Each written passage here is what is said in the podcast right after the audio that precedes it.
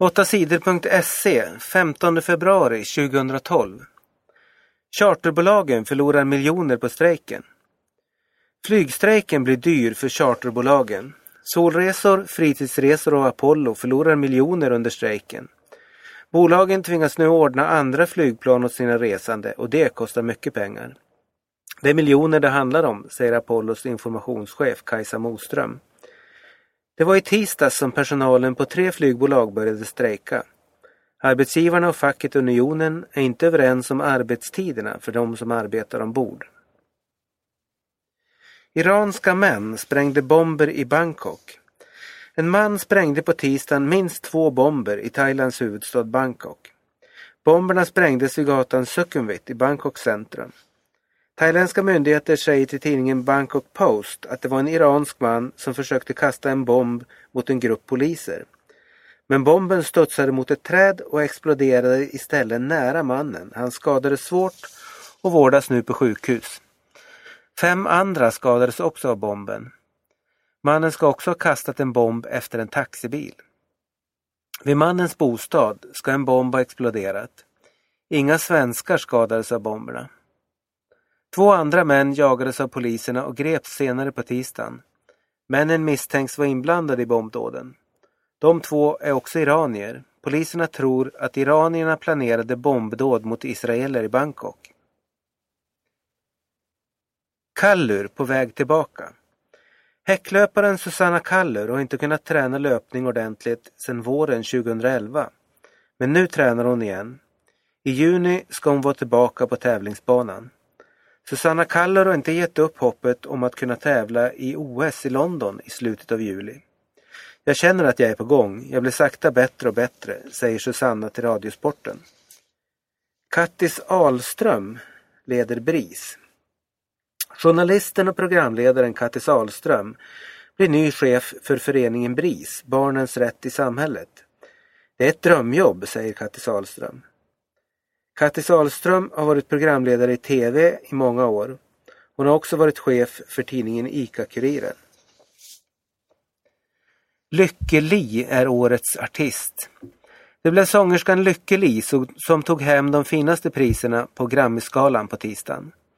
Hon fick priserna Årets artist och Årets album för skivan Wounded Rhymes. Veronica Maggio var den artist som fick flest grammisar. Hon tog hem tre priser. Årets pop, Årets kompositör och Årets textförfattare.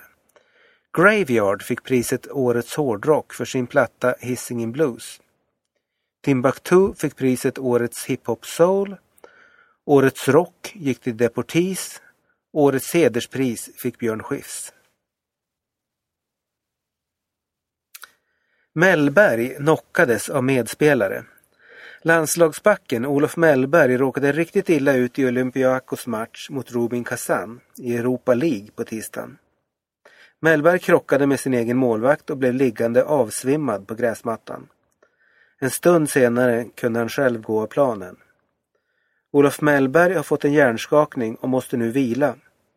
Det är oklart om han kommer att kunna spela för Sverige i fotbollslandskampen mot Kroatien om två veckor. Misstänkt knivman greps utomlands.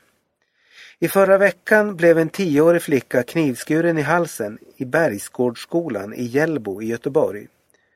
Nu har polisen gripit en 28-årig man som är misstänkt för brottet. Mannen greps utomlands och ska nu föras till Sverige. När det blir är oklart. Negerbyn byter namn. Ett bostadsområde i Sölvesborg i Blekinge har i 40 år kallats för Negerbyn. Men nu är det slut på det. Området ska i fortsättningen heta Slottsstaden. Det har fastighetsbolaget bestämt.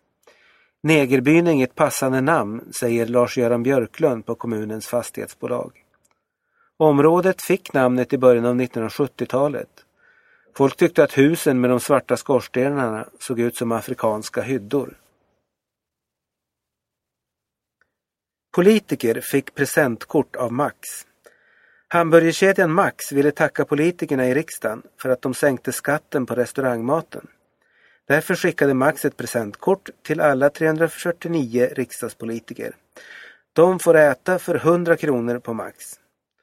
För oss på Max var det självklart att sänka priserna till kunderna när momsen sänktes, säger Max chef Richard Bergfors. Politikerna gillar inte gåvan från Max.